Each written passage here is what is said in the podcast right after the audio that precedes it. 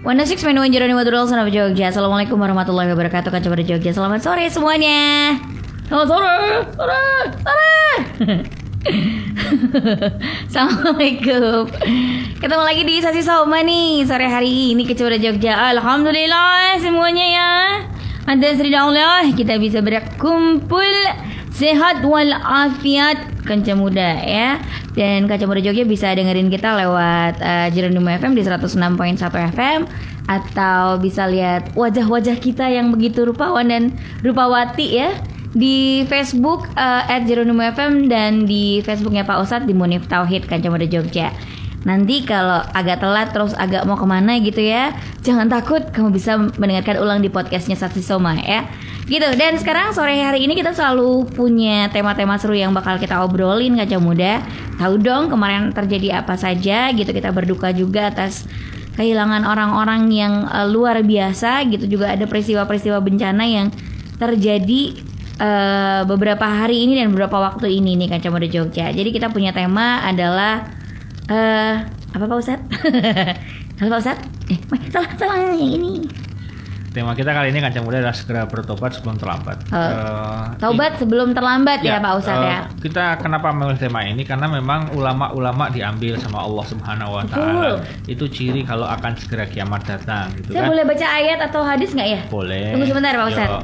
Ini yang kemarin tuh sempat jadi pembicaraan saya sama Awan juga tentang hmm. eh kita di akhir zaman gak ya nih Wan gitu karena iya dong. katanya kalau uh, apa namanya banyak ulama yang diambil gitu. Iya. Uh, akhirnya kita akan kehilangan arah karena nggak tahu sebenarnya jawaban yang benar seperti apa. Nah ternyata kemarin saya dapat nih Pak Ustad, Pak Ustad, oh. hadis riwayat Imam Bukhari dan Imam Muslim hmm. rahimahullah taala. Ya. Sesungguhnya Allah tidak mencabut ilmu sekaligus dari para hamba. Hmm. Akan tetapi pertanda hari Jumat ya kan, yeah. ada wiwi.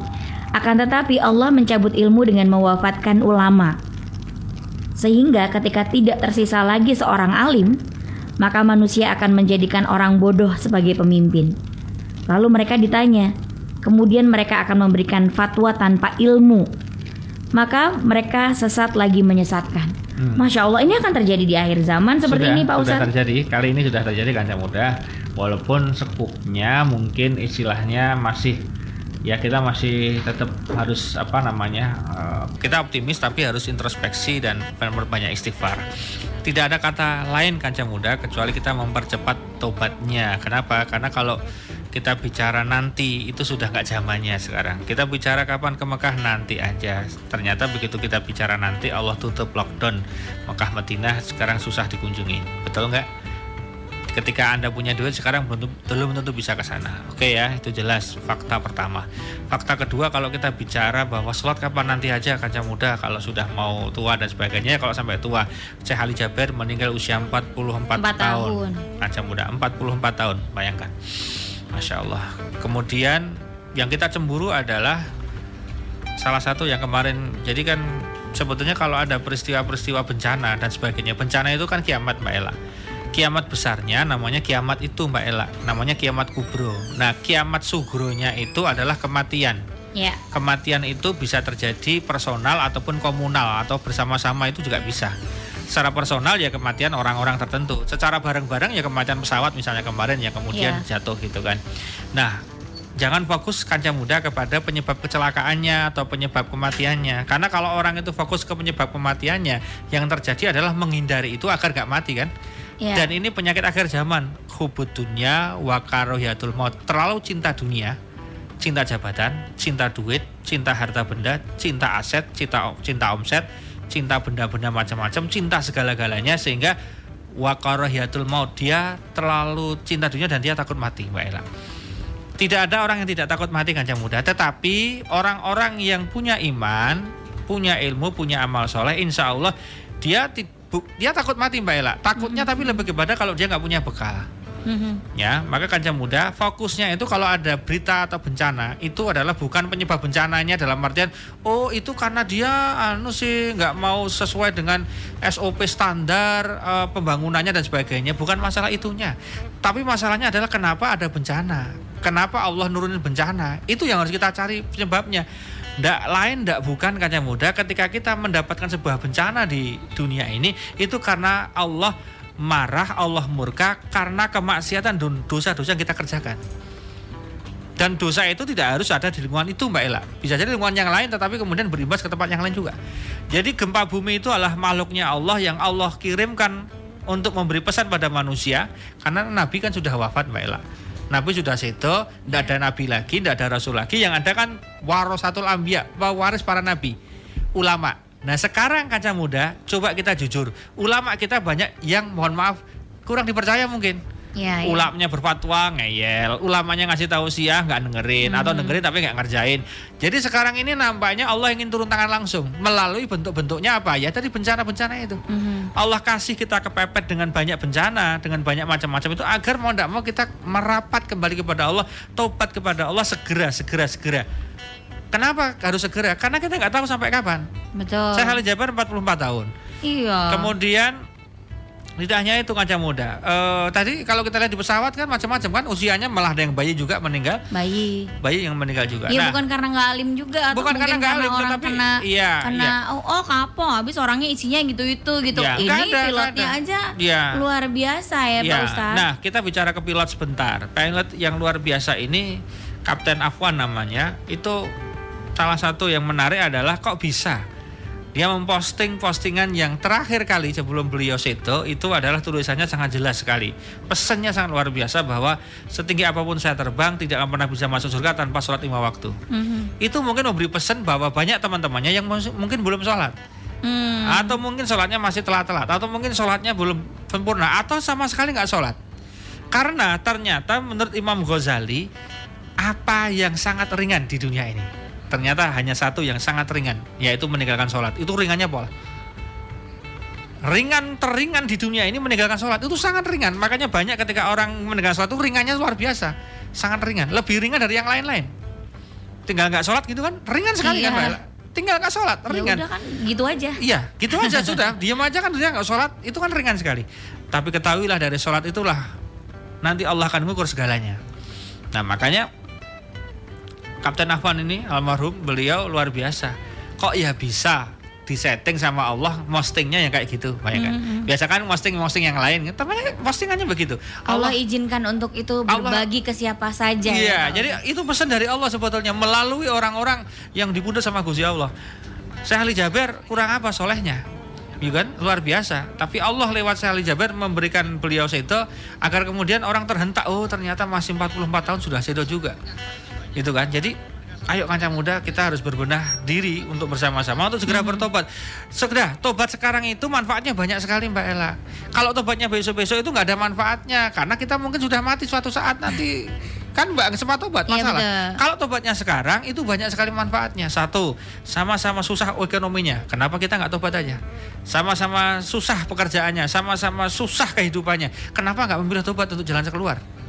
Gitu loh. Nah, kalau kita memilih tobat, insya Allah akan ada jalan keluar dari Allah Subhanahu Wa Taala. Sebetulnya Allah itu sekarang sedang mengirimkan pesan yang luar biasa untuk bangsa Indonesia yang tercinta ini, khususnya untuk umat Islam. Mhm. Sudahlah, kita kemudian harus merapatkan barisan. Harus kita kemudian memperbanyak amal soleh, berzikir kepada Allah, istighfar kepada Allah, banyak berbagi. Pokoknya banyak istighfar, banyak berbagi, banyak amal soleh. Selamatkan keluarga kita masing-masing dulu. Kemudian lingkungan kita bersama-sama. Ya, jadi saya terima kasih luar biasa kepada teman-teman yang kemudian sudah all out ya artinya dia tidak hanya memikirkan diri sendiri tapi memikirkan orang lain gitu Mbak Ella ya.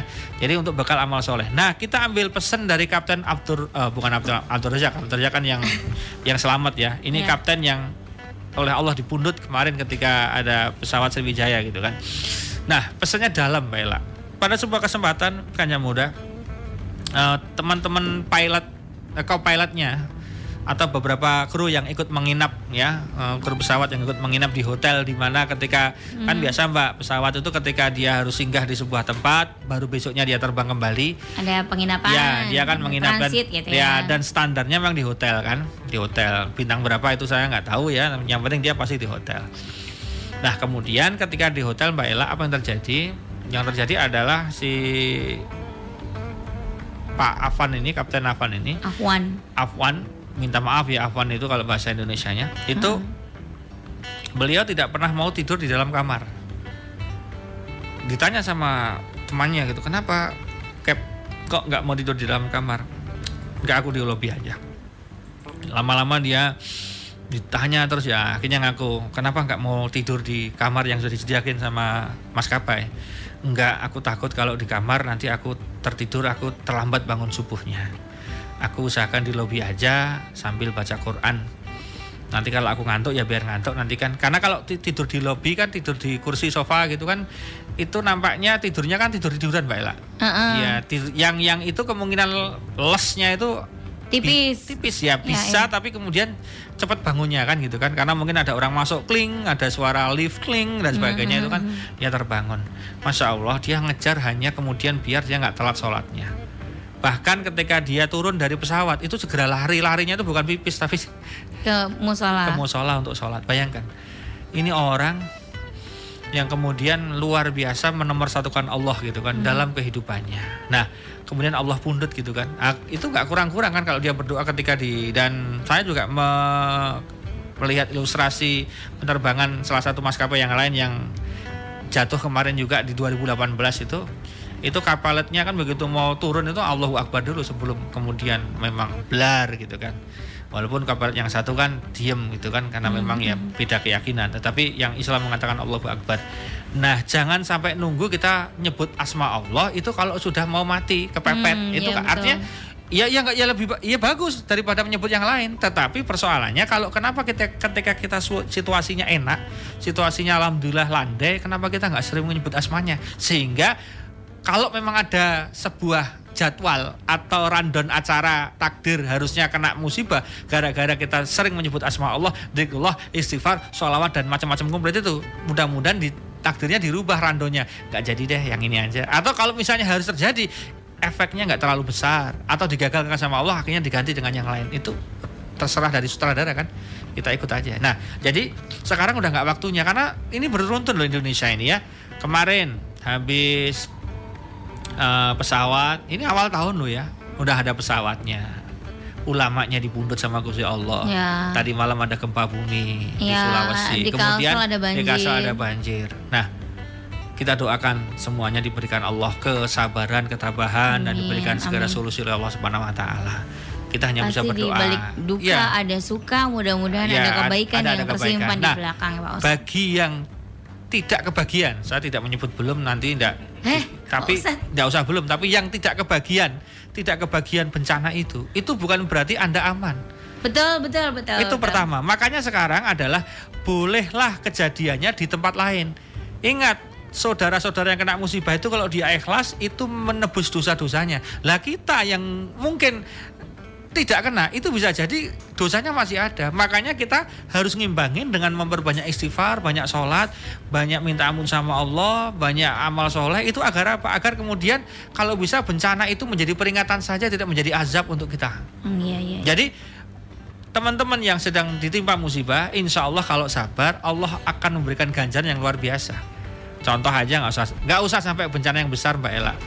Tidak seorang Muslim pun yang tertusuk duri kakinya, duri loh Mbak Ella. Bukan paku tapi duri. Duri itu kan berarti kan kecil ya. Mhm. Kecuali Allah angkat dosa-dosanya. Keren kan? Allah Subhanahu wa taala melalui hadis mengatakan ya hadisnya Rasulullah bahwa seorang mukmin itu tidak tertusuk duri kecuali Allah angkat dosanya. Keren kan? Baru ditusuk duri, belum diapain yang lain-lain. Berarti bisa jadi kalau ada orang menjelang sedo dia sakit itu menjadi penebus dosa-dosanya. Allah ingin agar ketika soal kepada Allah Subhanahu wa taala itu bersih.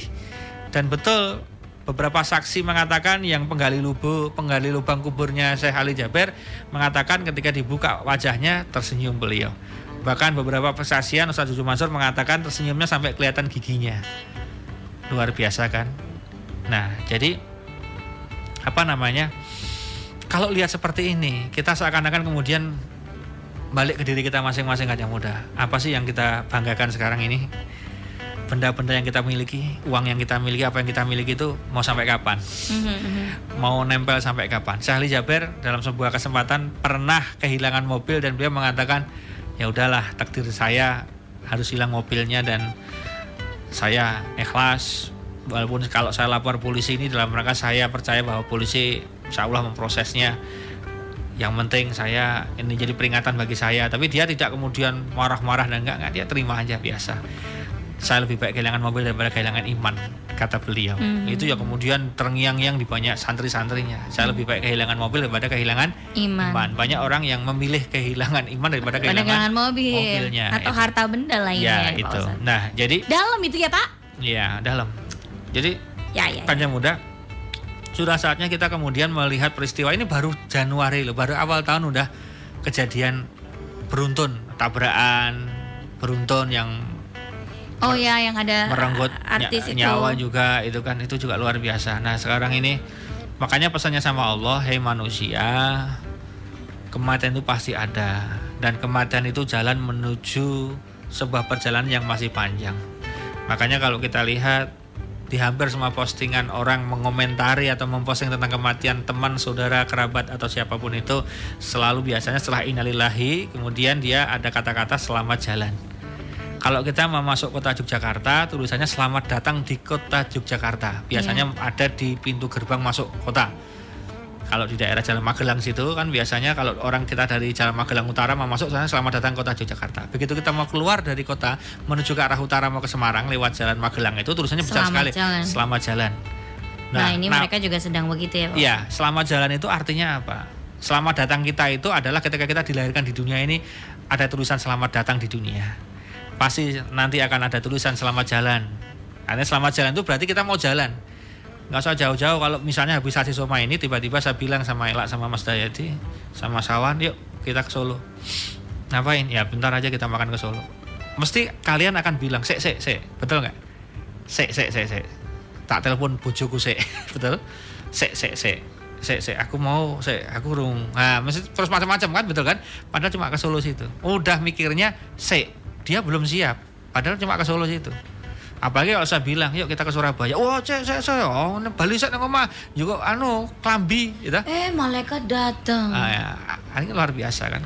Saya mau, saya, saya malaikat. kan, kan nggak Nggak bisa. mungkin ya Pak Ustadz. bisa. mungkin ya ya ya. Itu Nah, kalau jadi- kalau di dunia kita masih Ya, bisa artinya kan- bisa menolak gitu Ya, kalau untuk hal-hal seperti itu. Terus Ya ya ya. Kalau kita mau ke Surabaya misalnya, saya ajak ke Surabaya, mesti Anda mikirnya, pirang dina ta? Yo, maka saiki balike minggu siang lah dari sana misalnya. Anda udah mikir berarti baju untuk Sabtunya, Sabtu siang, cadangan, pulang jadi usah 3 4 baju lah. Ada yang begitu kan? Nah, resikonya kalau Anda bawa hanya satu baju, bisa jadi kalau kemudian kehujanan nggak punya bekal kan repot. Nah itu baru ke Surabaya aja kita udah mikir bahkan beberapa orang itu hanya piknik staycation. Saya kalau dulu waktu mbak pandemi kan saya paling, paling sering staycation kan nginep di hotel itu. Itu aja satu koper mbak masih bawa. Bayangkan ini mau ke kampung akhirat. Selama jalan ke kampung akhirat. Itu nggak- itu nggak staycation, nggak nggak Itu langsung pindah. iya nggak nggak langsung ke akhiratnya loh mbak Ella Iya transit lagi. ada ke alam barzahnya dulu. Betul. Di alam barzah itu ya juga waiting list nunggu lama. kemudian di alam akhirat itu kemudian di sana ada penghisapan, ada di padang maksar. Itu menunggu jadwal dipanggil dihisap itu juga lama Mbak Ella. Iya. Bayangkan ketika kita mau makan Coba sekarang sebut aja makanan viral terviral di dunia atau di mana saja atau di Jogja aja lah. Makanan terviral kemudian Anda di sana mau makan kemudian antrinya panjang. Kira-kira apa yang Anda lakukan? Kalau normal sehat akan pulang. Amangan minta ada antri. Bayar sih aku. Masuk wah nek wis. Betul nggak? Kita nggak mau antri. Padahal itu untuk makan nggak mau antri. Beberapa orang nggak mau antri. Paling paling banter mau antri itu kalau mau namanya bantuan ya toh itu baru mau antri ya kan nah besok itu di akhirat tuh antri one by one satu demi satu dihisap satu demi satu bayangkan sambil menunggu itu jangan dikira pegelnya kayak apa keringetnya kayak apa laparnya kayak apa bukan staycation Iya, lagi. enggak. Oh, stay sudah. forever. Sampai pakai ro- transit. sampai Rasulullah itu menangis gitu kan beliau menangis kemudian beliau minta izin sama Allah yang tadinya udah enak-enak di surga Rasulullah kemudian keluar kembali memastikan para umatnya yang setia dengan beliau. Kemudian beliau lihat kehausan yang luar biasa di padang masar itu sampai beliau kemudian atas izin Allah dibikinkan telaga Mbak Ella. Mhm. sini umatku kamu ke telagaku. Yang terpindah oleh Rasulullah kemudian dia ke telaganya Rasulullah untuk bisa minum sambil menunggu dihisap. Bayangkan Rasulullah itu masih mikirkan kita sampai dengan segitunya. Padahal Rasulullah itu sudah langsung bypass masuk surga aja bisa. Ongkang-ongkang di sana bisa. Rasulullah enggak turun menemui umatnya yang masih setia dengan beliau yang banyak bersolat kepada beliau banyak mengamalkan sunnah-sunnah beliau kemudian dipanggil itu betapa ketika anda antri tiba-tiba dipanggil sama orang yang luar biasa disuruh minum sini sini minum dulu wah los Enak banget. enak sekali kan dan itu akan terjadi di sana Panas antri ya banyak. masalahnya garansinya kita termasuk yang dipanggil atau enggak nah itu kita nggak tahu makanya Nah. ayo masih ada space waktu jangan bilang nanti saja makanya sekarang ini Hmm, sik ya, aku harus bangun iki sik. Waduh, kita akan mengembangkan. Waduh, sudah, sudah, sudah. Sekarang mengembangkan apa? Semuanya sedang susah sekarang. mau apa, mau develop apa sekarang itu semuanya sudah cuntel.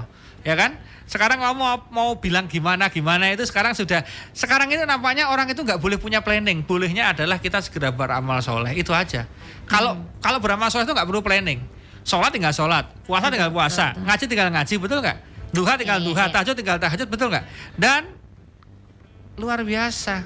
Kita baru sekarang tahu betul kenapa sampai ada doa Robbana la tuji kulubana ba'dait hadaitana wa lana bilan koromah innaka antal wahhab. Ya Allah janganlah engkau cabut hidayah yang telah engkau berikan padaku. Karena hidayah itu adalah baiklah bukan artinya orang dari non muslim masuk Islam itu hidayah. Itu ho tapi yang dimaksud hidayah bukan itu. Yang dimaksud hidayah adalah kemauan untuk beramal soleh itu hidayah. Makanya kalau kita yang muslim tapi nggak mau beramal soleh itu kita nggak dapat hidayah. Hmm. Makanya ada kata-kata bilahi taufik Wal. wal hidayah. Taufik itu artinya ilmu Mbak Ella. Sholat duha itu bagus loh. Itu taufik. Kamu tahu sholat duha bagus? Iya, kamu dapat taufik. Kamu tahu sholat tahajud bagus? Iya tahu. Itu kamu dapat taufik. Kamu lakuin nggak? Nggak. Kamu hanya taufik. Kamu nggak dapat hidayah. Tapi kalau kamu tahu tahajud baik dan kamu lakukan tahajud, kamu dapat taufik dan Hidayah. hidayah. Nah, Terus main bulu mahal. tangkis. Iya. Taufik Hidayah. hidayah. Iya, oke. Oke, Pak Ustadz. Tapi ngomong-ngomongnya jadi saya jadi eh, sebelum kita akhiri jadi kalau kita di dunia itu eh, kan ini ngomongin perjalanan ya Pak Ustadz. Yes. Taubat eh, sebelum terlambat itu urusannya kita mencari sangu di perjalanan gitu. Kalau di dunia itu kan kamu suka lobby-lobby ya ngaca muda untuk me- memudahkan aksesmu melakukan sesuatu gitu. Kenapa sih nggak juga dari sekarang merancang lobby-lobby itu untuk nanti di alam alam setelah ini ya kan Pak Ustadz kayak tadi Yes. Pak Ustadz bilang Hmm. kalau ada yang ngasih minum kan mau ya gitu Iya. ya. Kita eh, cari akses supaya kita mudah ketika nanti di di alam barzah itu sekarang juga saatnya kaca muda juga harus dipikirin selain lobby dunia, lobby akhirat ya Pak Ustadz. Yes. Udah kayak Ustadzah belum? Ya, nanti bisa kalau saya pas eh, ada luar kota kamu yang siaran sambil ng- ngisi sendiri hostnya sama ustadzahnya. Iya, Amin, amin, amin. Oke, Kak Jumada Jogja kita rehat dulu ya. Eh, nanti kita balik lagi di sesi Soma sana sini soal agama. Temanya masih sama, taubat sebelum terlambat dan bisa kamu dengerin di Jeronimo FM dan bisa streaming di eh, Facebooknya Jeronimo FM dan juga Facebook dari Ustadz Munif Tauhid Kanca Muda. Stay tune terus. Geronimo, the real sound of Jogja. From the city of Jogja.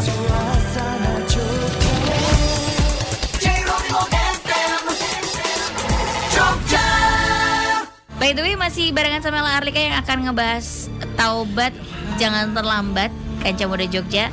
Sebelum kita masuk nih ke tema berikutnya ke obrolan berikutnya jangan lupa buat dengerin di Jeronimo gitu ya dan juga di uh, Facebook live-nya kita di uh, Jeronimo FM dan Ustadz Munif Tauhid ya. Di situ Kanca Muda bisa lihat nih Kanca Muda.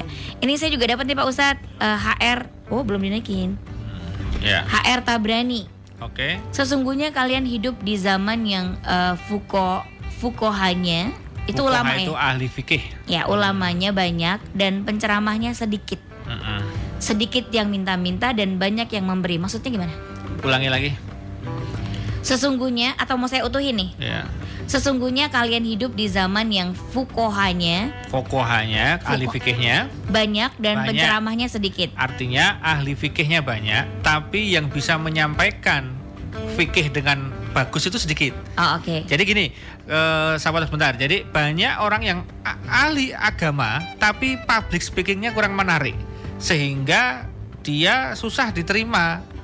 Maka harus orang ini harus mengakses khusus. Jadi di di publik itu nggak begitu disenangin, nggak begitu digandrungin gitu loh. Padahal dia ahli fukoha. Terus Sedikit yang minta-minta dan banyak yang memberi. ya artinya sedikit yang meminta-minta banyak memberi itu ini bisa ditafsirkan adalah meminta-minta yang dimaksud adalah dia meminta-minta Ilmu. ilmu gitu Cari kan. ilmunya tuh eh, oh eh, Kalau yang kalau konteksnya ini sedikit yang meminta-minta artinya memin yang mau belajar nggak banyak. yang banyak nih. ya yang banyak banyak memberi Ulamanya, eh, ulamanya Ah, banyak. Gitu ulama ya. copy paste artinya ulama dapat kopian WA dipastekan ke sana jadi menjadi ustadz paste copy paste ulama copy paste ya itu masih agak mending makanya sekarang Ada lagi Pak Ustadz Yuk, ada bawah. yuk. Beramal pada waktu itu lebih baik dari dari berilmu. Nah, dan dan akan datang suatu zaman yang ulamanya sedikit dan penceramahnya banyak, peminta-minta banyak dan yang memberi sedikit.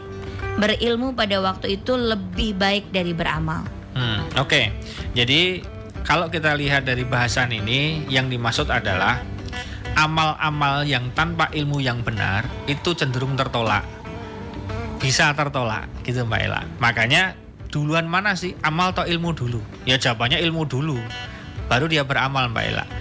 Tapi di era sekarang ini kita harus Nah, makanya harus cepat learning by doing. Kalau kita ngaji tok tanpa beramal, itu ya kering. Tapi kalau kita beramal langsung tanpa tahu ilmunya, itu bisa zong. Makanya sekarang jalan terbaik, jalan tolnya untuk di masa PSBB ini, maksudnya PSBB dalam jangka panjang itu adalah kita sambil beramal harus tahu ilmunya. Hmm. Jadi kalau kita mau tahajud, kita sekalian cari hadis tentang tahajud kayak apa. Kita mau duha, cari hadis tentang duha kayak apa. Kita mau puasa, kita cari. Jadi kayak mirip kalau kita bawa minuman ini kemudian cari ingredientsnya. Oh, kandungan gulanya berapa, kandungan natriumnya berapa, kandungannya berapa. Kita beramal harusnya seperti kita mau beli di swalayan. Saya mau puasa Senin Kemis sih, pengen download apa sih khasiatnya? Gimana cara benar melaksanakan apa namanya Senin Kemis itu? Saya mau tahajud, gimana yang benar tahajud itu? Saya mau belajar itu. Jadi sambil belajar sambil ngamal. Kalau kita ilmu doang, ya ada baiknya. Memang kapan waktunya baik ilmu? Ya ketika kita memang situasinya landai. Mhm. Ketika situasinya sangat darurat seperti ini, kita nggak boleh hanya ilmu tok, ya. Kita harus apa?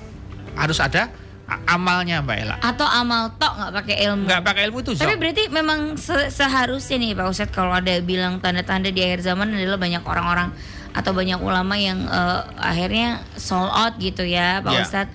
Berarti memang sekarang waktunya pendek dong. Ini akhir zaman. Ya. Kalau akhir zaman berarti percepatannya apa yang harus dilakukan selain amal dan ilmu Pak Ustadz? Ya. Ada lagi atau bagaimana gitu? Nah, sekarang yang paling terbaik dilakukan adalah sedikit ilmu tapi langsung diamalkan. Sekarang itu. Jadi lebih baik kita punya ilmu dikit tapi langsung diamalkan daripada ilmunya banyak tapi nggak beramal-amal. Hmm. Nah, ada dalam hadis nanti Si dicari taufiknya banyak, hidayahnya nggak banyak nggak gitu ya. banyak. Nah, memang ada seandainya hari kiamat akan segera datang, maka yang terbaik adalah memberikan ilmu. Itu ya ada benarnya karena orang yang kemudian dapat ilmu tentang keagamaan, tentang Quran dan lain sebagainya, itu kemudian bisa menjadi semacam kayak apa namanya tabungan amal kita yang luar biasa. Cuma begini kancang muda ini kata kunci quotesnya harus hati-hati. Sekarang lebih baik amal solehnya sedikit tapi 100% lillahi ta'ala. Yang susah saat ini lillahi ta'ala. Serius, lillahi ta'ala. Karena lillahi ta'ala ini menentukan diterima atau enggaknya. Makanya saya berdoa kalau mau siaran ya Allah, mudah-mudahan siaran saya tidak untuk riak. Tidak untuk gagah-gagahan Ustadz Munif pinter ampuh boten Ya Allah saya niat sasi soma Mudah-mudahan dari sini menjadi amal soleh saya ya Amin, Allah amin. menjadi penghapus dosa-dosa saya ya Allah itu banyak orang yang ketika ceramah ketika tausiah ketika ngisi materi dia ingin aku pinter loh aku top kan aku hebat kan coba yang lain kayak aku enggak di situlah kemudian dia nggak bernilai amal soleh mbak Ella itu yang paling bahaya kita ngaji, bacaannya bagus, keren, kiroatnya luar biasa. Bisa lagu ini, lagu itu, lagu itu dan sebagainya, pokoknya luar biasa. Ketika kamu nawaitunya adalah subscribe, nawaitunya berbau material, jangan-jangan itu nggak bernilai amal soleh. Itu yang bahaya. Maka hari ini yang perlu dilakukan adalah segera install ulang niat kita agar amal-amal kita apa pun itu dalam 24 jam itu itu yang langsung istilahnya itu kalau saya, saya bilang itu adalah saripatinya yang langsung menyerang ke jantung apa namanya ke jantung tabungan amal kita. Karena bisa jadi amal-amal kemarin kita itu ya ada yang terpaksa, ada yang ria, ada yang nah, pokoknya banyak yang kemudian zong atau kemungkinan gagal diterimanya banyak. Mhm. Ingat kita kan sering ngirim email, ngirim WA dan sebagainya kan ada file gagalnya kan ada. Mhm. Ya makanya sekarang kita di akhir zaman ini waktu yang terbatas nggak tahu sampai kapan kiamat akan datang kita berupaya untuk dapat ilmu dikit diamalkan ilmu dikit diamalkan dan kata kuncinya adalah ada rahasia rahasia yang kita hanya privat kita dan Allah yang tahu artinya ada amalan yang kalau bisa itu betul-betul privat privasi betul yang tahu hanya Allah dan kita. Kasarannya begitu. seandainya ada yang mau ada yang tahu itu tahunya bukan karena kita kasih tahu mbak Ella. Tapi karena dia tahu sendiri ya itu urusan dia bukan urusan kita.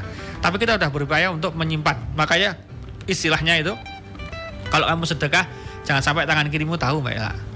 Itu saking dekatnya tangan kita kiri kanan kan sangat dekat sekali. Tapi jangan sampai tangan kirimu tahu. Artinya apa?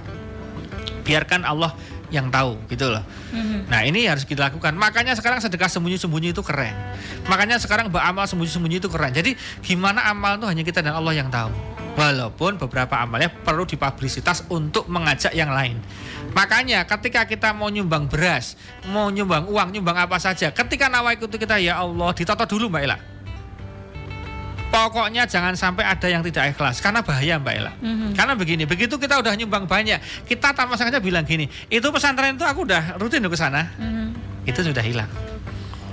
Oh itu panti asuhan itu aku ya biasa. Itu yang beras yang baik-baik aku itu kena dia. Hati-hati itu. Ya aku itu kalau malam-malam itu ya ya biasa sih habis tahajud aku itu kena itu. Hati-hati. Hmm. Ya aku tak sempet sempetin no. Paling enggak aku jam 10 lah aku udah duha. Itu kena itu jangan-jangan hati-hati pokoknya mulai mulai ini hati-hati itu. Hati-hati. Ya. Jadi kalau seandainya harus harus ada publisitas, publisitasnya itu memang terpaksa publisitas karena keadaan dan kondisi.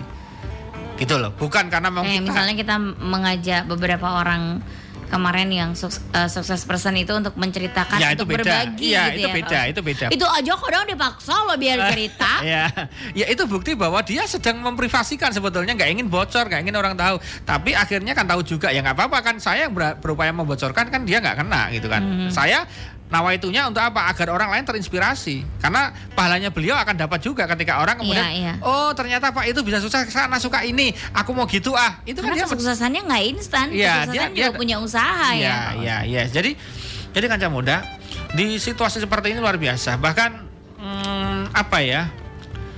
Ada dalam ada hadis hadis hadisnya hadis doif yang mengatakan bahwa usia dunia ini tidak lebih dari 1000 ada yang mengatakan 1500 tahun, ada 1600 tahun, ada berapa pokoknya usia ini enggak usia dunia ini enggak lama gitu katanya. Artinya ini sudah kalau dilihat dari sisi ciri-ciri kiamat itu hampir kalau istilahnya Ustadz uh, Zulkifli itu sudah hampir semuanya terjadi Mbak Ella. Tanpa terkecuali sekarang itu tinggal nunggu Dajjal turun. Tinggal nunggu itu aja. Kalau kalau kita bicara ngeri-ngerian loh, itu ngeri sekali sekarang. Nah, makanya sekarang kita nggak ada lagi waktu begini Mbak Ella. Kita nggak ada waktu lagi terlalu banyak. Saya bilang nggak, bukan nggak boleh Mbak Ella. Tolong dicatat yang muda, bukan nggak boleh. Kita jangan sampai kemudian duduk berlama-lama, meeting berlama-lama untuk mengembangkan kekayaan dunia saja, untuk mengembangkan apa hal yang berbau dunia saja karena itu begitu ditinggal selesai Mbak Ella. Mhm. Tapi kita harus berupaya mengembangkan yang nawa makanya dimulai dari niat dulu. Kamu gak usah niatnya apa sih? Kamu ceramah niatnya apa sih? Kamu siaran niatnya apa sih? Kamu ngajar niatnya apa sih? Itu dulu. Dari situ nanti insya Allah mudah-mudahan 24 jam perilaku kita di dalamnya itu sudah masuk bilnya Allah gitu loh. Diterima, repotnya ke Allah itu receive, keterima gitu loh. Sehingga kita enak 24 jam itu berisi amal soleh gitu loh makanya sekarang kalau mau kerja ditata dari rumah ya Allah saya kerja nawa itu ikut anjuran mau ikut anjuran Rasulullah di mana ini menjadi amal soleh dan jihad Bismillah ya Allah gitu caranya ketika mau kerja ya Allah aku istri kerja. Memang memang kalau kalau kalau kita bicara anu ya Allah kewajiban ini aku nggak wajib. Aku itu wajibnya hakku aku menerima uang dari suamiku ya Allah. Tapi karena aku juga kasihan pada anak-anak dan juga keadaan ekonomi keluarga yang memang sedang sulit Bismillah ya Allah mudah-mudahan engkau lancarkan aku dan mudah-mudahan ini menjadi amal solehku ya Allah. Karena aku harusnya nggak kerja tapi aku kerja kemudian uangku juga untuk beli gas listrik mudah-mudahan yang aku keluarkan menjadi sedekah ya Allah Gitu caranya. Kalau kita nggak ngomong begitu, kita pasti gerundel. Kalau kita nggak ngomong begitu, kita pasti capek. Guru kalau kemudian ngajar online gini nggak lillahi ta'ala, wes muring-muring tok isine. Kamu nggak ngerjain, kamu gimana sih? Kamu tahu nggak ini? Ini udah nggak jadi amal soleh. Hmm, hmm. Oke, ya gitu. Jadi kita harus mulai belajar untuk uh, menata apa? Menginstal ulang niatnya itu karena niatnya itu pengaruhnya gede. Innama amalu niat semua amal tergantung niatnya. Itu sahih hadisnya. Makanya mulai hari ini kita segera menata. Nah segera bertobat yang saya maksud itu tidak hanya kita bertobat minta ampun sama Allah tok tapi baru minta ampun ya ada actionnya apa? Mhm. gitu loh. Minta ampun itu Insya Allah kalau kita serius Allah akan menerima. Cuma mengistiqomahkan setelah minta ampun sama Allah itu apa? Kalau cuma minta ampun tok sholatnya tetap sama, ya sami mawon. Kalau harus minta ampun tetap gak ada amal tambahan, ya sami mawon. Kalau tetap minta ampun kemudian masih maksiat, ya podo wae. Nah sekarang waktunya mepet yang masuk mepet itu adalah sekarang itu cepet banget. Besok April tanggal 13 insya Allah sudah masuk puasa. Padahal baru kemarin kita rasanya pandemi saja soma nggak ada puasa Ramadan kemarin. Ini sudah mau saja soma lagi. Mudah-mudahan besok ada kan yang mudah. Amin, Amin. ini Amin, sudah. amin, padahal amin. baru kemarin rasanya saya itu sama Om Jai begini siaran dari rumah saya kemarin. Atau kita hanya Jumat gitu kan. Itu rasanya baru kemarin loh. Sekarang sudah mau masuk puasa lagi masya Allah. Kemarin sudah nggak boleh mudik ini nggak tahu besok boleh nggak? Gitu kan? Tapi artinya apa? Cepat sekali kan? Dari puasa ke puasa. Nah ternyata Mbak Ella kalau sudah bicara puasa itu bicara Ramadan bicara Idul Fitri itu orang kemudian gutsnya merasa cepat sekali Mbak Ella. Hmm? beda dengan yang lain.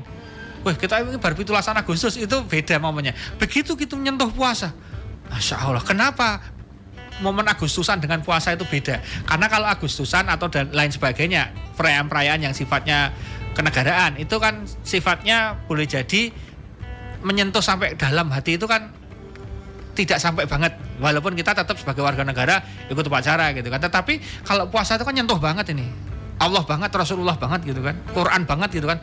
Dek rasanya itu kayak akhirat banget kayak dicentil gitu kan. Uh, Mhm. dan puasa itu ternyata kan maju. Makanya kenapa sih dalam Islam ada penanggalan komariah gitu kan ada samsiah ada komariah ternyata penanggalan komariah bulan-bulan hijriah itu kan posisinya mbak Ella tergantung dari bulan bukan matahari. Maka kemudian dia maju maju maju maju maju. Kenapa maju? Biar orang takut takut. Wih poso wih poso. Jadi secara psikologisnya dia seakan-akan dipaksa untuk cepat bertobat cepat beramal soleh. Karena kalau kita merasa santai "Ah, nanti aja kita tuh kan kita sering kan Nah kita sekarang gimana Nata? Agar kita punya rumah yang bagus. Besok kerjaan kita bagus. Udah nggak zamannya sekarang. Sekarang kita amal soleh dulu. Nanti masalah itu insya Allah Allah atur. Kalau kita fokusnya cari rumah Kita fokusnya cari mobil Kita fokusnya cari duit Itu tok.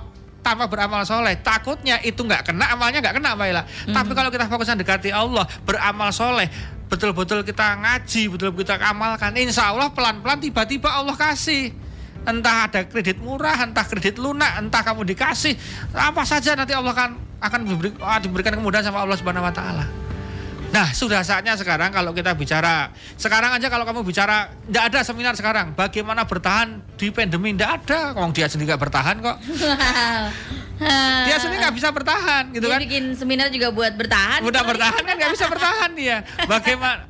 Coba ada nggak seminar? Kita legitkan omset di 2021 nggak ada seminarnya. Kenapa? Dia sendiri sudah nggak bisa memprediksi 2021 kayak apa. Makanya sekarang itu sudah otaknya itu sekarang diturunin didropin. Hatinya diperbesar wiridnya diperbesar zikirnya diperbesar sholatnya diperbanyak ngajinya diperutin amal solehnya diperbanyak. Nanti lama-lama hatinya ini akan ke atas akhirnya dikasih inspirasi. Sit sit sit. Allah kasih nanti kunci-kunci. Insya Allah begitu Amin. kalau cuma masalah ini toh, insya Allah stres. Pokoknya gimana ya? Kita harus naikin berarti kita begini. Ah, wong itu aja sudah nggak bisa dipikir sudah. Wong sekarang ini, mohon maaf yang tahu tentang ilmu ekonomi coba diprediksi. Gimana Pak? Prediksi ke depan? Ya paling kukur-kukur itu ya mudah-mudahan. Mesti kata-katanya mudah-mudahan. Nggak ada dia deg deg deg deg. Iya, nggak bisa. Ah, Mau mudah-mudahan sekarang. Ya udah nggak bisa ngilang, udah udah nggak punya kuasa buat ngilangin virus juga, Oh, Pak udah, Ustaz. udah nggak bisa. Kenapa? Ilmu yang dia pelajari pun sudah mentok juga. Kenapa? Karena ilmunya dari gitu, gitu-gitu aja kan. Marketing, targeting, iting, iting, iting itu kan pelenteng sekarang. Susah sekarang. Eh, susah banget. Iya kan? Oh, itu makanya sekarang udahlah. Allah ngasih kita pesen otaknya sekarang diturunin, hatinya diperbesar, kemudian nanti lama-lama insya Allah balance gitu kan. Ibadahnya diperbanyak. Jadi maha besar Allah yang mengirimkan banyak peristiwa ini agar kita segera bertobat. Makanya jangan terlambat gitu. Taubat jangan terlambat kan Muda Jogja. Masya Allah. Yuk Ayo kan Muda kita udah ngingetin sampai berbusa. Ayo udah banyak peristiwa di depan mata yang bisa jadi contoh buat buat kita sendiri sih kaca muda Jogja. Lobby-lobby diri sekarang. Lobby-lobby tempat di akhirat nanti. Dengan cara gimana taubat biar nggak terlambat. Makasih Pak Ustadz. Oke. Minggu depan kita ketemu lagi di Sasi Insya Soma Allah. jam 4 sore sampai dengan jam 5 sore Kaca Muda Jogja. Dan uh, jangan lupa untuk uh, kalau mau dengerin ulang bisa di Sasi Soma podcast, podcastnya Sasi Soma ada. Dan juga boleh lihat uh, follow dulu uh, Facebooknya Jeronimo FM at Jeronimo FM dan bisa dengerin juga di uh, bisa lihat kita juga di Facebooknya Pak Ustadz di Munif Tauhid. Kita kaca muda Tauhid ya tulisannya Tau C H I D gitu. Kita ketemu lagi minggu depan. Assalamualaikum warahmatullahi wabarakatuh. Mudah-mudahan ada kemanfaatan sore hari ini. Amin. Love Jogja and you and dadah.